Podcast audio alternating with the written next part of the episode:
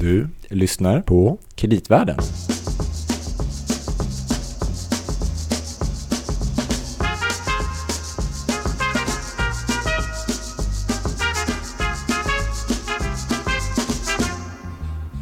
At 30% contained, the campfire has already destroyed more than 6,000 structures, burning 100,000 plus acres. The historic blaze now the deadliest wildfire in state history, with at least 42 killed so far.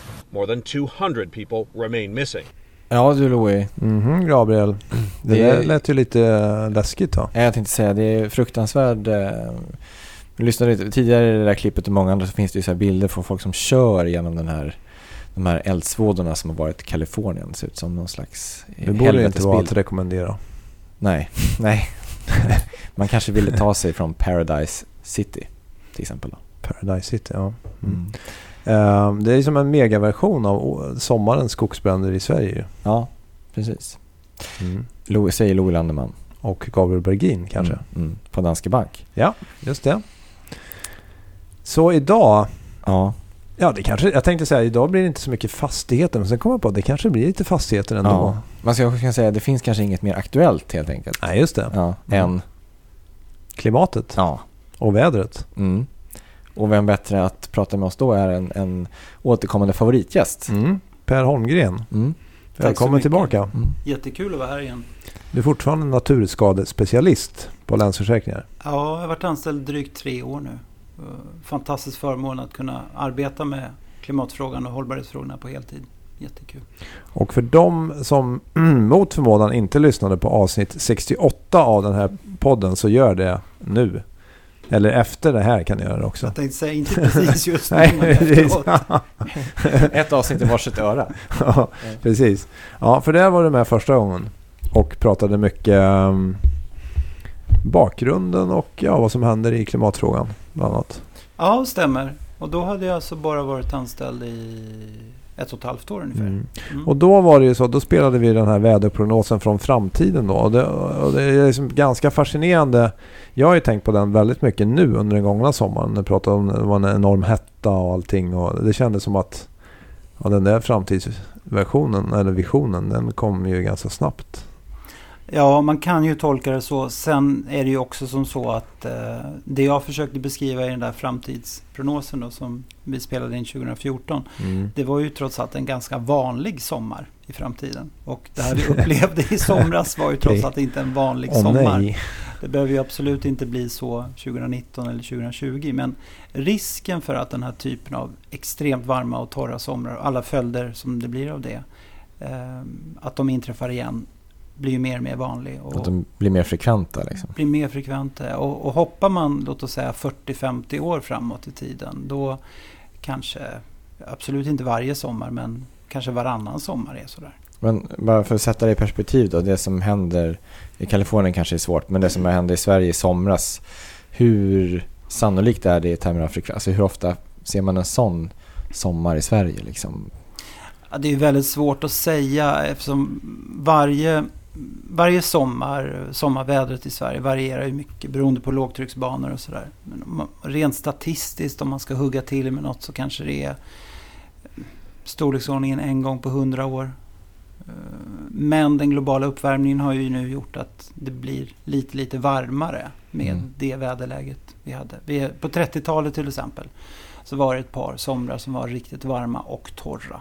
Just det. Men, Men det de var skulle inte ju, riktigt lika varma som Om man sommar. eh, liksom är klimatskeptiker så skulle man ju säga ja, ja men det där är ju, det här är ju en del av den naturliga variationen. Det är ju inte klimatrelaterat. Mm. Och lite grann kan man ju säga så. För det, om man inte säger det så säger man ju indirekt att nu kommer det alltid bli så här. Ja. Så att på sätt och vis så handlar det ju om, om ett väderläge vi hade i, under sommaren 2018. Att den envisa högtrycksblockeringen gjorde att det kom inte hit några nederbördsområden och, och det blev varmare och torrare och så vidare. Men det jag själv reagerade mycket på och nästan blev lite förvånad över det var ju att det var en del klimatforskare i alla fall, absolut Mm. inte alla, men vissa klimatforskare som menade på att väderläget i sig med den här envisa högtrycksblockeringen hade att göra med klimatförändringarna som har gett en något redan nu försvagad golfström och en något försvagad jetström. Mm. Och när båda de två försvagas och så ökar risken och sannolikheten för att vi får den här typen av stillaliggande Mm. väderlägen. Vilket ju då Mm. ger väldigt varmt på sommaren men också Mm. en lite ökad risk för att det kan vara kortvariga köldknäppar på vintrarna. För att, hur är det där om man med klimatförändringen så det kan både öka risken för kraftiga skurar men då också då långvariga torkperioder? Så både Ja, och eller? Förenklat kan man ju säga, framförallt ur ett globalt perspektiv, att det blir torrare på torra platser och blötare på blöta platser. För när Okej. det blir varmare så blir det mer vatten som går runt i vattnets kretslopp. Så att både avdunstningen ökar och Mm. den totala globala nederbörden ökar. Och så står atmosfären då, nu är man ju lekman här, men mer, mer stilla på någonting sätt. Vilket gör då att vädret rör sig mindre. Dessutom ja. Eh, i alla fall på våra breddgrader. Okej. Eh, Sen har vi Som är andra... vana vid att vi har nytta av liksom de här strömmarna. Som Ja, alltså det här är ju, om, man, om man tar just sommarvädret så, så var det ju väldigt tydligt i somras att eh, om man tittar på Medelhavet så är det ju så här varje sommar. Det ligger ett högtryck och det är soligt och varmt. Mhm. Det är Mm. helt naturligt.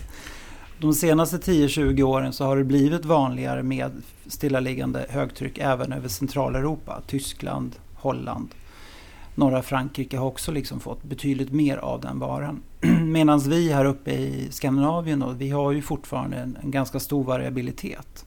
Ibland är det varmt och soligt på sommaren, ibland är det regnigt och ostadigt. Mm. Så för vår del kan man istället för att säga att där det blir att, att det blir blötare där det är blött så kan man snarare säga att det blir blötare när det är blött. Alltså Mm. när det väl regnar så kommer det regna dels kraftigare regnskurar på somrarna men också mer nederbörd när det kommer lågtrycksområden på vintrarna. Och det kan ju både bli i form av snö och regn då.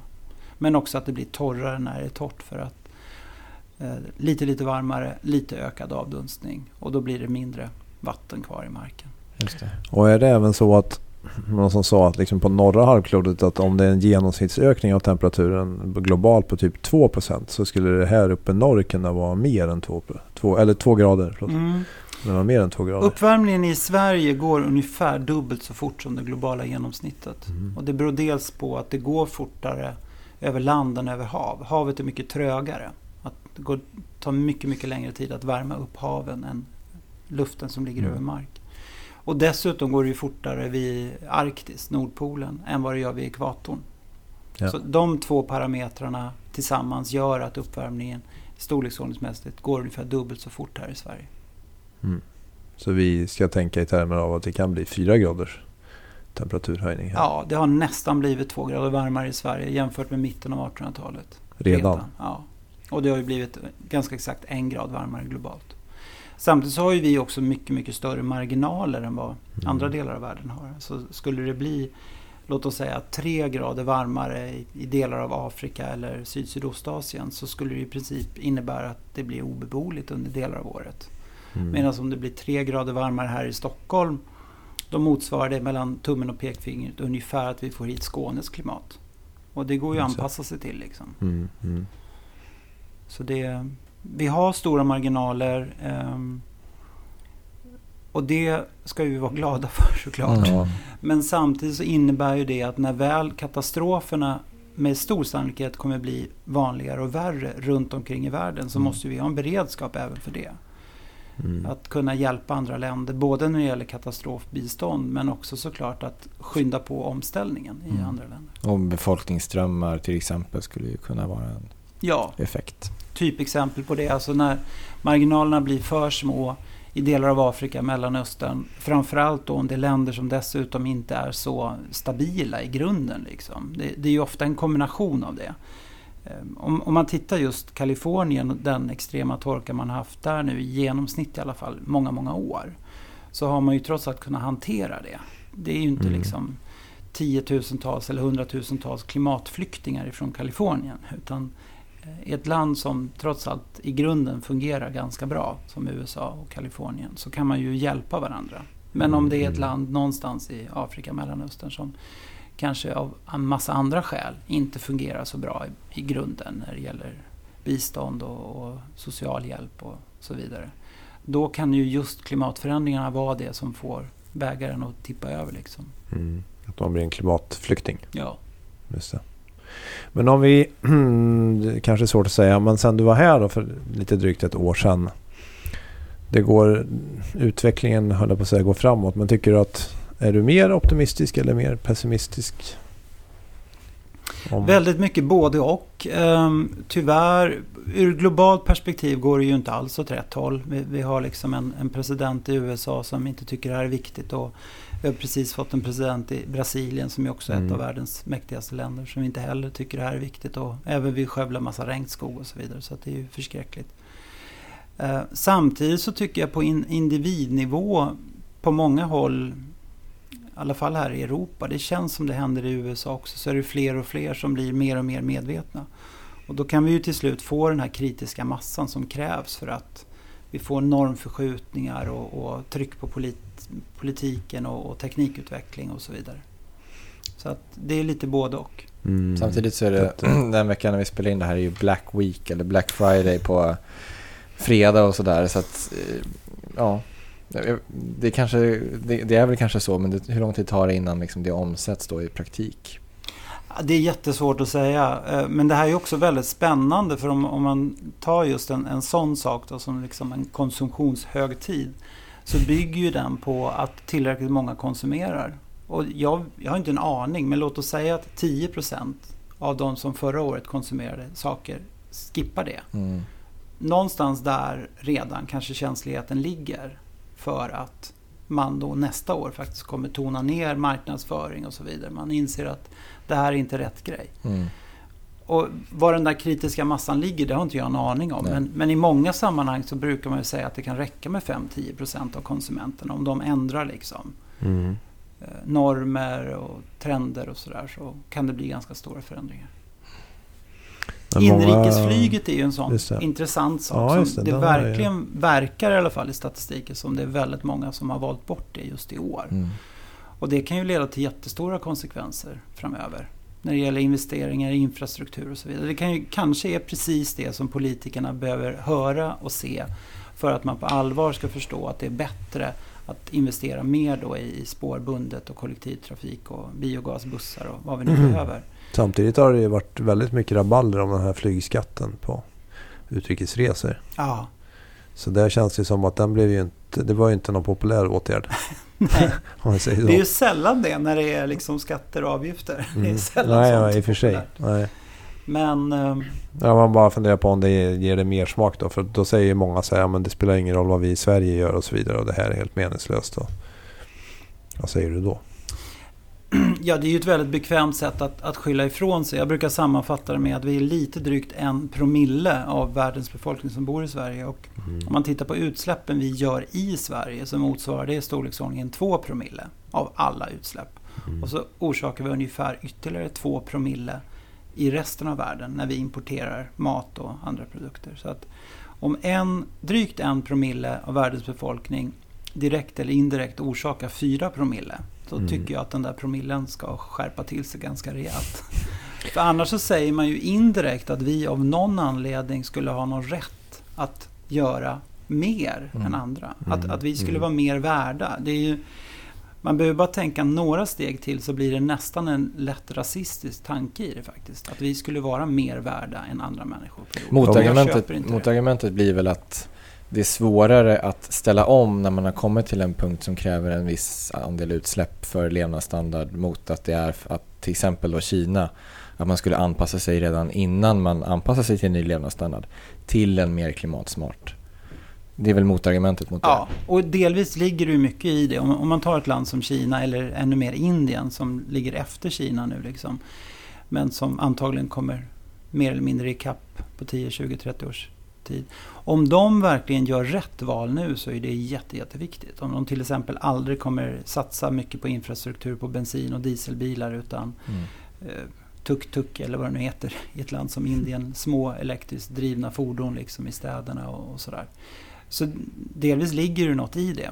Men man får ju heller inte blunda för att i de här totala globala utsläppen som finns så finns det ju då fortfarande kanske en eller två eller möjligen nästan 3 miljarder som nästan inte har några utsläpp alls. Och de människorna måste ju få öka sina utsläpp. Oavsett liksom, om de gör allting rätt så kommer det ändå, bara genom att de förhoppningsvis på sikt kan börja äta en mer varierad kost och mer mat, så kommer det leda till klimatpåverkan. Så, för du pratar om att man har någon, om man ungefär slår ut det då, man, en sorts livs uh, koldioxidbudget för sitt liv på 100 ton. Mm. Och då ligger vi i Sverige nu på kanske 11 ton 8, 11 per inklusive år om man offentliga allting. sektorn. Ja. Ja. Just det. 11 ton. Och vi ska ner till kanske en a två då. Förut Helst. brukar man ofta säga en a två, men jag hävdar numera att vi måste ju komma ner till noll. Mm. Och eh, den tidigare regeringen tillsammans med Alliansen var ju ganska överens om att vi till 2045 ska bli klimatneutrala i Sverige. Mm. Så 2045 så ska ju faktiskt eh, vår klimatpåverkan, åtminstone i Sverige, ligga på noll. Och Sverige har ju fantastiska möjligheter inom jordbruk och skogsbruk att utveckla metoder som kan binda lika mycket kol då som vi Mm. släpper ut, till exempel när vi producerar och äter mat. Ehm, Så en långsiktig hållbar nivå, om man tittar på IPCCs senaste rapport om, om 1,5 graders målet är ju tyvärr inte längre 1 till 2 ton utan det är ju snarast att vi i alla fall under andra halvan av århundradet måste komma ner på minus. Mm. Vi måste liksom skapa ett samhälle där vi binder mer kol än vad vi släpper ut. Men det innebär också att, för jag tänker på vad man kan påverka själv kontra vad som krävs eh, förändringar i samhället och så vidare. Så det är både och här. Verkligen både och. och Mm. det, det, om du frågar mig så har ju vi som individer, framförallt vi som har jobbat länge med de här frågorna och velat få till stånd en förändring, så har ju vi just som individer och som konsumenter fått tagit ett alldeles för stort ansvar själva. Det är liksom Mm. vi som mer eller mindre frivilligt då ska sluta flyga och mer eller mindre mest äta vegetarisk mat och så vidare. Och det är fantastiskt bra om fler människor gör det, men det måste ju också bli mycket lättare för oss att, att göra det här. Ja, just det. Men jag tänker man, det kan ju också bli så att man skyller på att ja, men det spelar liksom ingen roll om jag förändrar mitt beteende. Men å andra sidan, politiska förändringar lär ju inte ske om, det var lite du var inne på, om inte inrikesflyget minskar så kommer alltså, så har inte politikerna något mod att fatta sådana beslut så att säga. Nej, Så någonstans så känns det som att det ena kräver det andra. yes.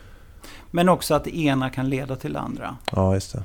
Och eh, jag, jag skriver lite grann om det här i min bok. Det minsta vi kan göra är så mycket som möjligt. Jag försöker i alla fall lite snabbt, enkelt jämföra Kina och USA och Sverige och EU. Mm.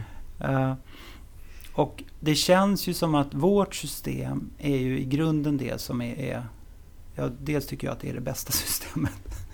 Eh, jämfört då med Kina liksom, som Mm. inte är en demokrati. Men en, en icke-demokrati som Kina kan man ju i teorin i alla fall ställa om ganska snabbt. Mm. Men det blir ju sällan bra för alla som lever i ett sånt land. De, de kanske tar ett beslut nu. Om vi säger att de snabbt vill bli av med sin klimatpåverkan så kanske de indirekt säger att då får 200 miljoner fortsätta vara fattiga och leva på landsbygden. Mm. Eh, Och sånt funkar ju inte i en demokrati och den typen av beslut ska man ju inte ta tycker jag. Nej. Utan i, en demokrati då så får det ju ibland helt enkelt ta lite längre tid. Det handlar mycket om folkbildning, allmänbildning eh, och att marknaden också Prissättning är, tänkte jag säga. och prissättning, ja. Och att marknaden är med. Alltså att marknaden, politiken och marknaden rör sig ungefär lika snabbt framåt.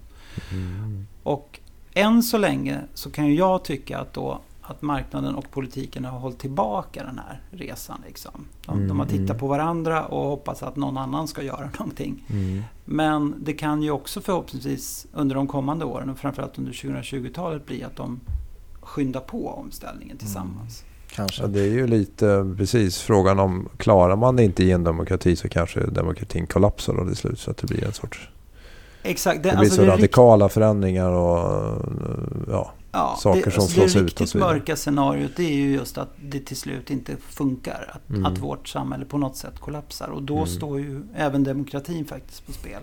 Mm. Då, då kan det ju bli antingen då högerpopulistiskt, eh, att man tänker att där skiter vi, vi, vi ska bara leva som vi gjorde på 1900-talet, det är Mm. enklast. mm. Eller att det blir något extremt åt, åt andra hållet, där man Mm. liksom mer eller mindre med, med lagar och förbud sätter stopp för en massa saker. Mm.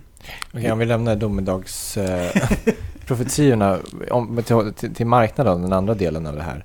Är det någon del av marknaden tycker du som har gått längre än andra delar?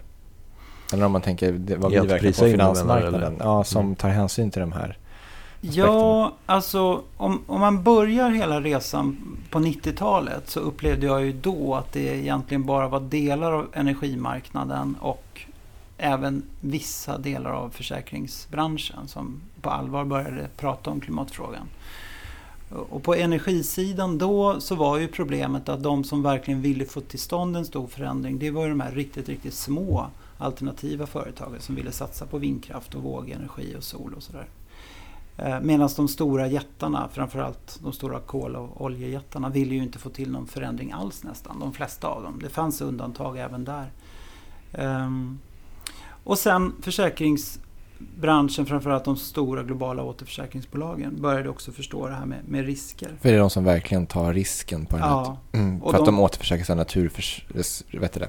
Katastrofer eller... Ja, och just ett, ett återförsäkringsbolag ehm, Hela deras affärsidé är ju att sprida sina risker så bra som möjligt över hela planeten. Och då kan man ju tänka sig att visst, det kommer in någon, någon förskräcklig eh, orkanen Katrina över USA var 20 år och sånt där. Men det ska ju mycket till att samma skit händer i Australien, Europa och, och Japan samtidigt. Men med klimatförändringarna då så började man ju redan på 90-talet se att de här riskerna började öka. Mm. Sen har hela återförsäkringsmarknaden har förändrats så väldigt mycket sedan 90-talet. Då var det ett väldigt litet fåtal aktörer. Nu finns det många, många fler. Så Mm. att, Och sådana här cat bond, catastrophe bonds och så vidare. ja, som jag tycker är jätteintressant faktiskt. Mm. Eh, Och det behöver, cat bonds behöver ju inte bara handla om naturskador. Det kan ju vara terroristattacker eller eh, jordbävningar eller Mm. vad som helst. Liksom. Man ska kunna skydda sig mot om det sker en katastrof. Ja, precis. Mm. Och det här gör ju att, att ä- än så länge så har man egentligen inte sett någon, någon prisökning globalt eh, på återförsäkringen. Men det beror än så länge, som jag har förstått i alla fall, på att det har blivit så många fler aktörer på marknaden som har hållit ner priserna. Men man förstod som sagt redan på 90-talet att, att långsiktigt kommer det här bli ett problem. Just det. Men det är ju väldigt intressant för ni försäkringsbolag är ju just en väldigt central grupp på finansiella marknaderna. Dels så besatt, genom att ni sätter försäkringspremier då såklart både till privatkunder och hushåll. Men även är ni ju en väldigt stor investerargrupp som köper både aktier, obligationer och andra tillgångsslag. Och vi har ju noterat att det pågår rätt mycket arbeten kring hur man ska redovisa och eh, tänka på de här risk, klimatrelaterade riskerna. Och här har ju idag då dagens akronym TCFD Mm. som om man inte har hört den akronymen så ska man nog lägga märke till den. Mm. För att den kommer att få en del påverkan tror vi. Mm. Och det står då för Task Force on Climate Related Financial Disclosure. Och det här är... um, IFRS, släng det i väggen. Precis. och det, här till, det är en grupp då som tillsattes av Financial Stability Board i, som fick i uppdrag av G20 att ta fram rekommendationer för hur man på finansiella marknader egentligen ska rapportera klimatrisker och även vilka parametrar man använder för att kunna mäta dem och så vidare. Och det här har man ju nu kommit med rekommendationer och jag har sett att bland annat ni på Länsförsäkringar är med någon eh, grupp, en försäkringsgrupp som ska jobba något år framåt nu och ta fram eh, tankar på hur, hur man kan jobba vidare med det här. Mm. Jag är själv inte egentligen inblandad i det men jag är ju med i en dialog. Ja. Liksom. Men det känns ju som att om man nu aktivt börjar arbeta för att eh, både kategorisera och kartlägga vilka risker man sitter på och hur man ska mäta dem framöver och hantera och minska dem. Att det här kan, när man börjar få in det och även visar i årsredovisningar och kvartalsrapporter och sånt där att då kan det börja få ganska stor påverkan kan man ju tänka sig. Tror jag verkligen och hoppas verkligen det också. För att den underliggande drivkraften här, både för försäkringsbolag och banker, är ju att se till att marknaden trots allt är så stabil som möjligt. För att om vi inte tar hänsyn till det här, då, då kommer det ju säkert rulla på ungefär som nu då, ytterligare några år. Men förr eller senare kan det ju då bli en väldigt stor smäll. Och, Mm. och det kan ju bli på grund av eh, att det sker en naturkatastrof av något slag. Det kan ske på grund av att eh, vi har, vilket är en större risk kortsiktigt antagligen, att vi har alldeles för stora investeringar i olja, kol och naturgas globalt. Mm. Som man förr eller senare kommer landa i att det där får vi faktiskt inte använda för då kommer vi misslyckas med klimatmålen. Och då Mm. har man ju stranded assets på, på alla de bitarna. Ja, exakt. Och det kan ju leda till en enorm destabilisering av finansmarknaden. Och, um, och sen uh, givetvis återigen också att, att, att, vi som individer, uh, till exempel i pensionssparande eller vad det nu handlar om, börjar förändra vad vi tycker är viktigt. Ja. Så kan Precis. det också bli stora snabba svängningar. Um, och sen om man, om man tittar på en sån konkret sak som, som bostadsmarknaden. Uh, så är det ju givetvis som så att det finns platser i världen som jag brukar ta Florida som det allra tydligaste exemplet. Där idag står liksom hus som är värda hur mycket som helst. Som vi med lätthet kan dra slutsatsen att om 100 år eller kanske redan om 50 år så är de värdelösa. För ingen mm. kommer vilja bo där. Haven har stigit tillräckligt mycket och det har varit några mm. tropiska mm. stormar. Just Florida är väldigt, väldigt speciellt för där går det nämligen inte på grund av marken och, berggrunden eller bristen på berggrund mm, kanske man ska säga. Sandmarken. Ja, det går liksom inte att bygga vallar där. På okay. många platser runt omkring i världen kan vi ju faktiskt bygga vallar. Holland till exempel. Holland, ja. Där kan vi hålla vattnet borta. Och det som då händer eh, i en sån situation det är ju att ett försäkringsbolag och en bank vill ju att marknaden trots allt ska hålla sig ganska stabil. Mm. Så att om vi redan nu tydligt börjar prata om de här riskerna så kan vi förhoppningsvis se till att de svajningar som säkert kommer bli på marknaden, inte minst just i Florida, trots allt blir så små som möjligt. Mm. Men för att det har varit en del uppmärksamhet i media där man har pratat kring att ja, men i, på Länsförsäkringar, det var i någon kommun i Skåne där man har sagt att om Länsstyrelsen inte godkänner ett område på grund av klimatrelaterad uh, vattenstigning på sikt och så här, då kommer inte ni att försäkra det. nya hus. Ja, det stämmer ju inte riktigt. Eh, om man ska försöka klargöra det hela så är det ju för det första en vägledning då, så det är inte okay. ett centralt beslut. Jag eh, jobbar ju då på Länsförsäkringar AB som är en dotterorganisation, dotterbolag och en serviceorganisation till de 23 olika mm. länsförsäkringsbolag som vi har i federationen.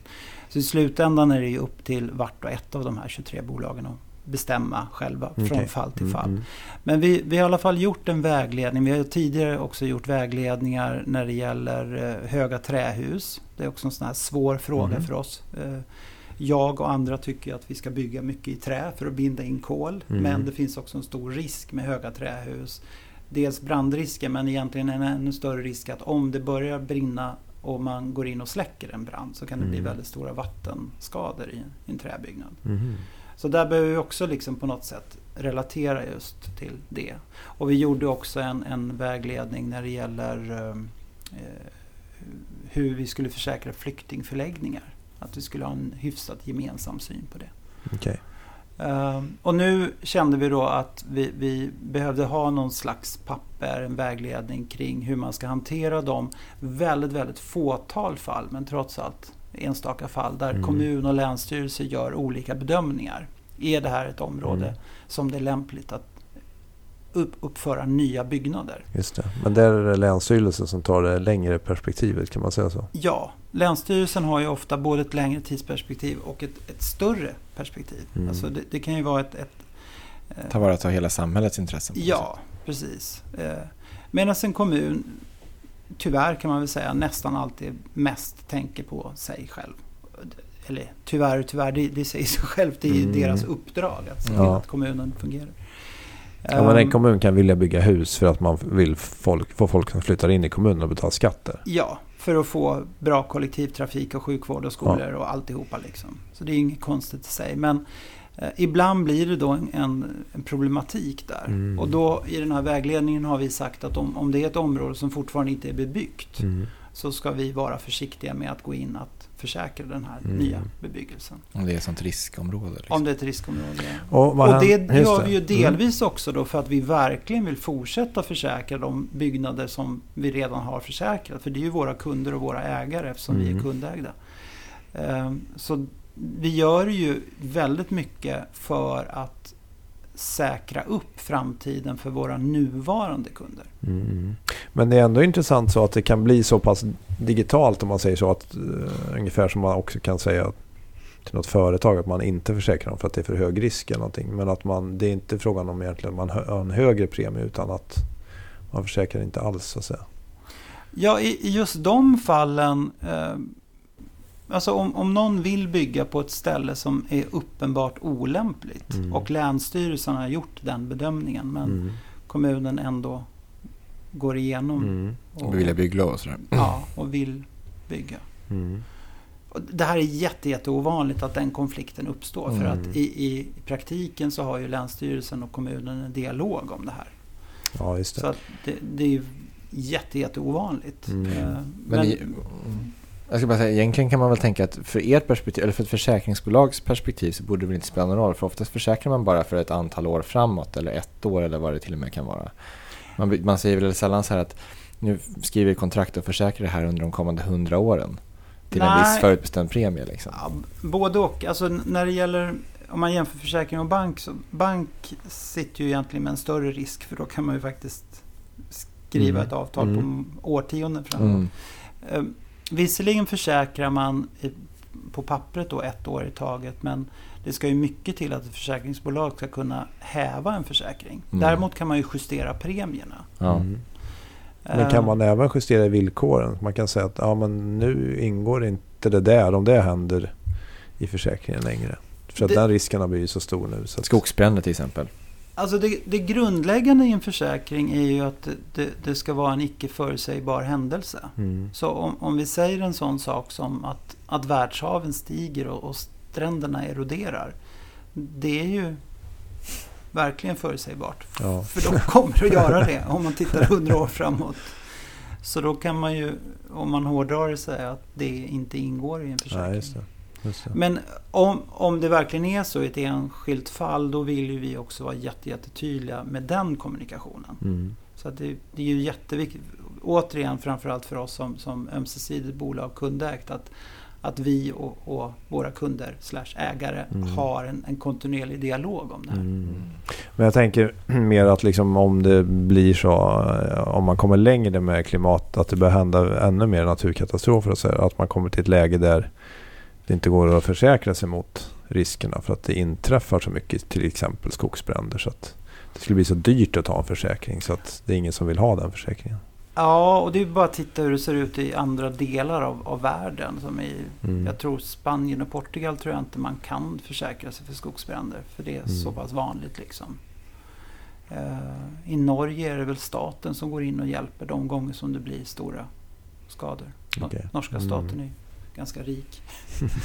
Eh, mm, så att olika länder har ju olika lösningar och det är ju sånt som med stor sannolikhet vi och alla andra försäkringsbolag i Sverige och andra länder också Mm. kommer behöva se över de Mm. eh, delarna. Mm.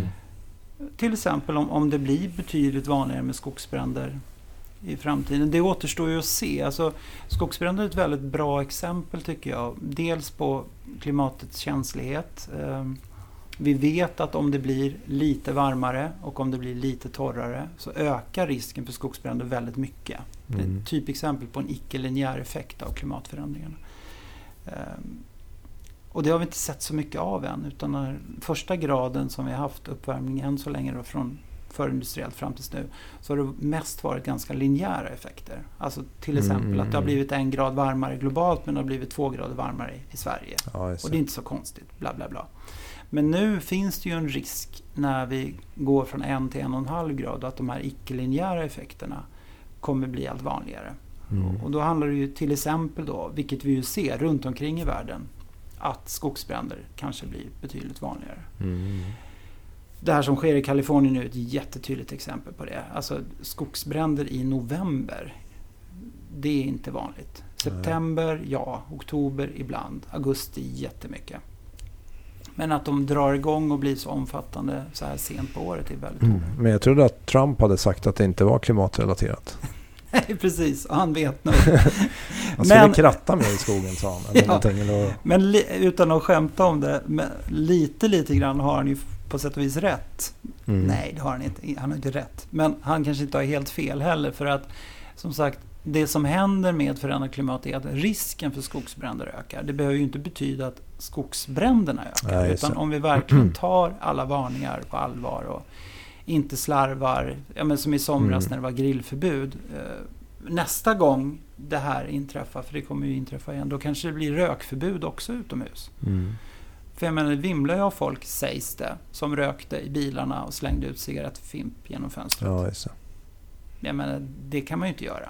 Om man inte får grilla hemma på gräsmattan kan man ju inte få slänga fimpar Mm. liksom i skogen. Det var ingen som sa. Nej.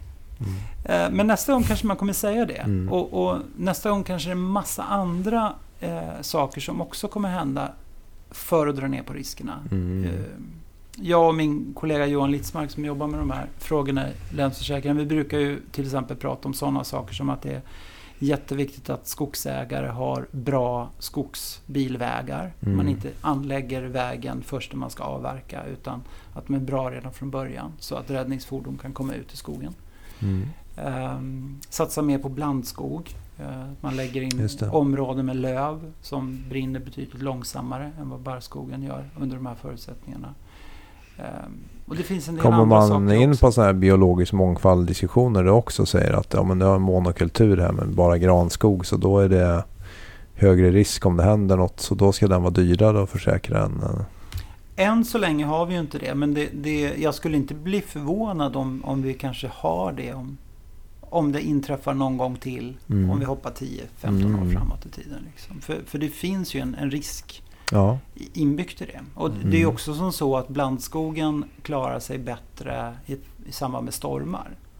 För olika träd faller ju under lite olika förutsättningar. Och så länge en del träd står kvar så Mm. skyddar de de det. andra. Mm. Så att, eh, och sen dessutom, den biologiska mångfalden är ju verkligen naturens eget försäkringsbolag. Så Mm. ju större biologisk mångfald vi har, desto större är sannolikheten att ekosystemen och skogarna klarar av den klimatförändring som Just vi har det. Det framför blir en oss. sorts riskspridning Ja. kan man säga. Ja. Mm.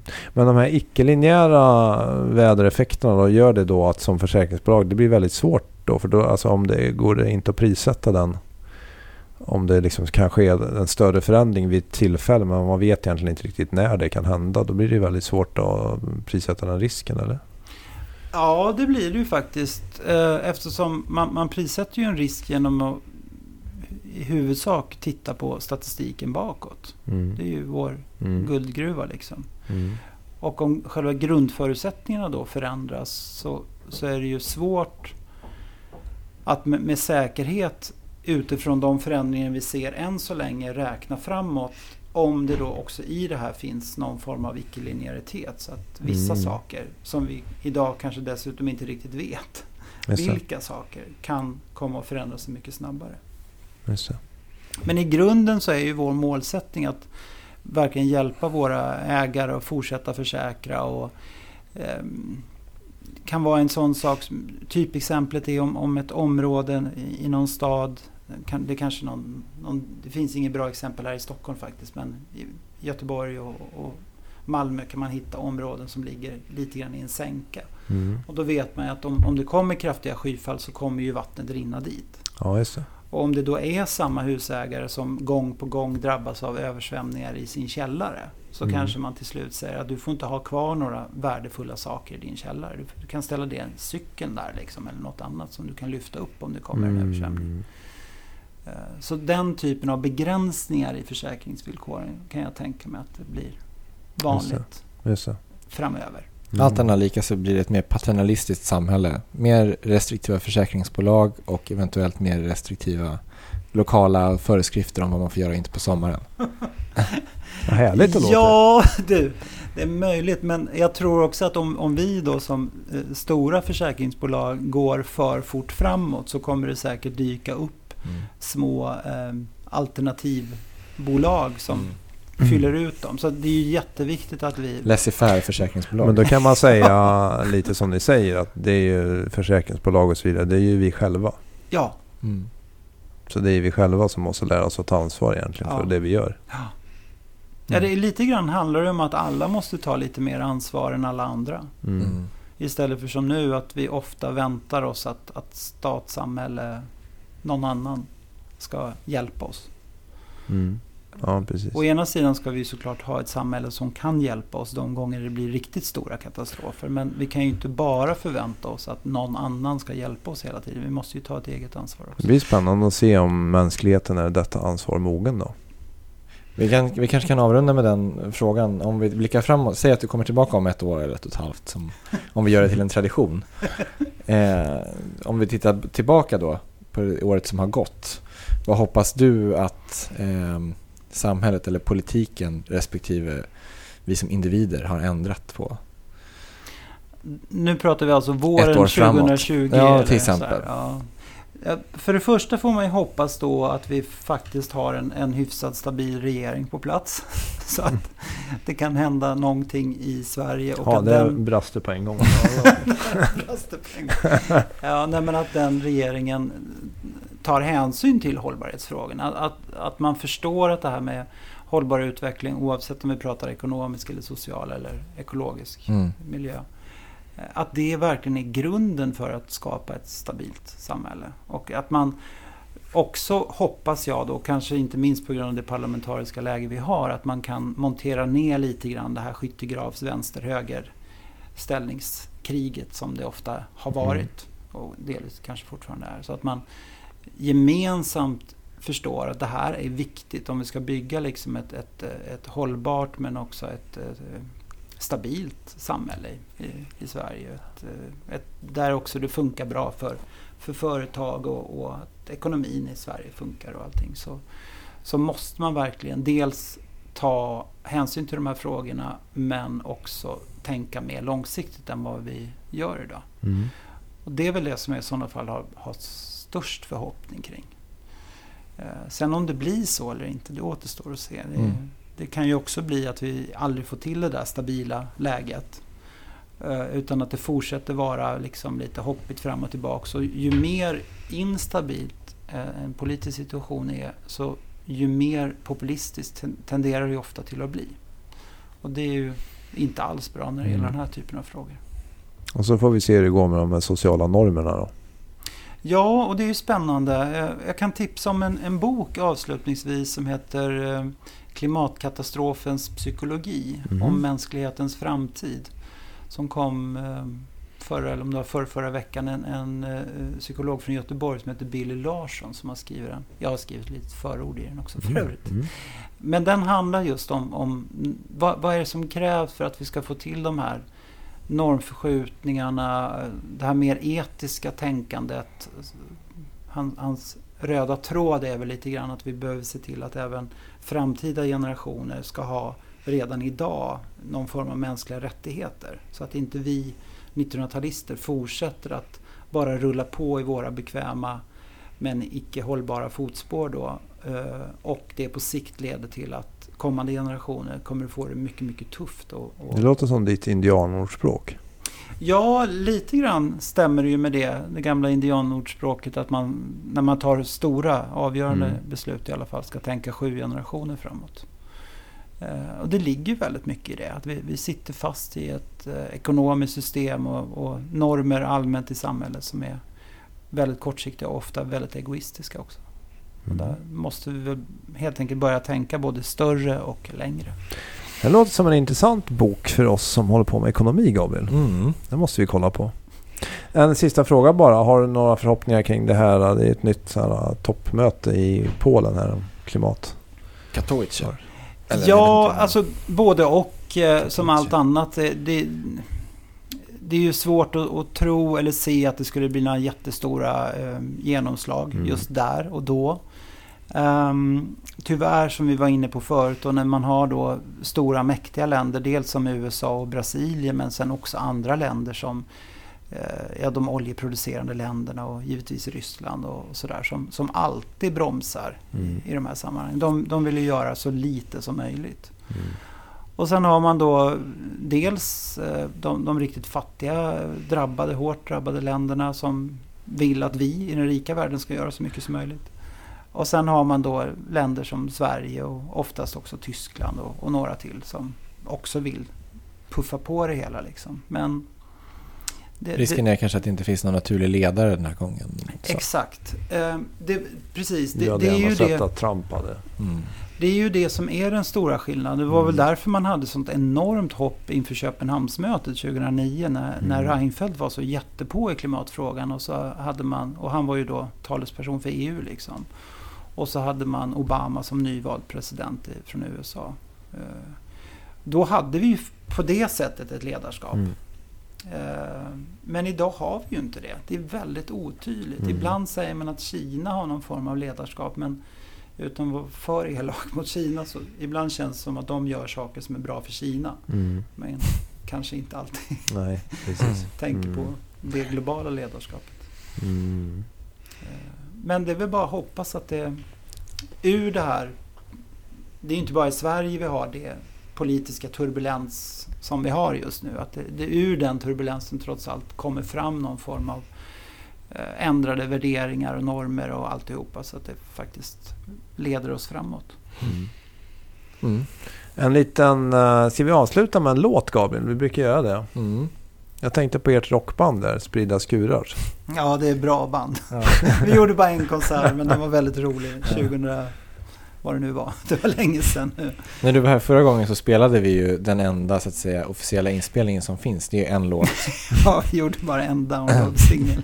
Jag tror Ja. den fortfarande går att ladda ner. Jag ser det regnar. Det Ja, absolut. passande jullåt. Den Ja, finns på. Spotify. Ja. Men du sa att ni spelade också in andra, men då måste man in och gräva på Sveriges Radios arkiv eller något sånt där. Ja, det var faktiskt som så att Sveriges Radio spelade in hela vår konsert. Det var den första konserten de någonsin spelade in med sitt helt nya, helt digitala inspelningsutrustning. Wow. Eh, och de såg oss som något sånt där testprojekt. Och om jag förstod det rätt så var det bara den sista låten vi spelade som var en cover på Deep Purple Stormbringer som de fick ordning på allt digitalt. Alltså avancerat. ja. Så då den sände de vet jag dagen efter. I, jag och Per-Erik, min kompis och kollega, som, han är ju kvar fortfarande på SVT, Mm. Per-Erik Ja, som spelade bas i, i Spridda skur. Eh, vi blev intervjuade och så spelade de den låten. Så den finns någonstans i något Sveriges radioarkiv. Men i väntan på att vi ska få igång den byråkratiska liksom, processen att leda ut den så kanske vi bara kan lyssna på Stormbringer. Stormbringer. Ja, Det blir med bra. Deep Purple. Tack Per för Stort att du tack kom hit. Tack så jättemycket. Hej då. Hej.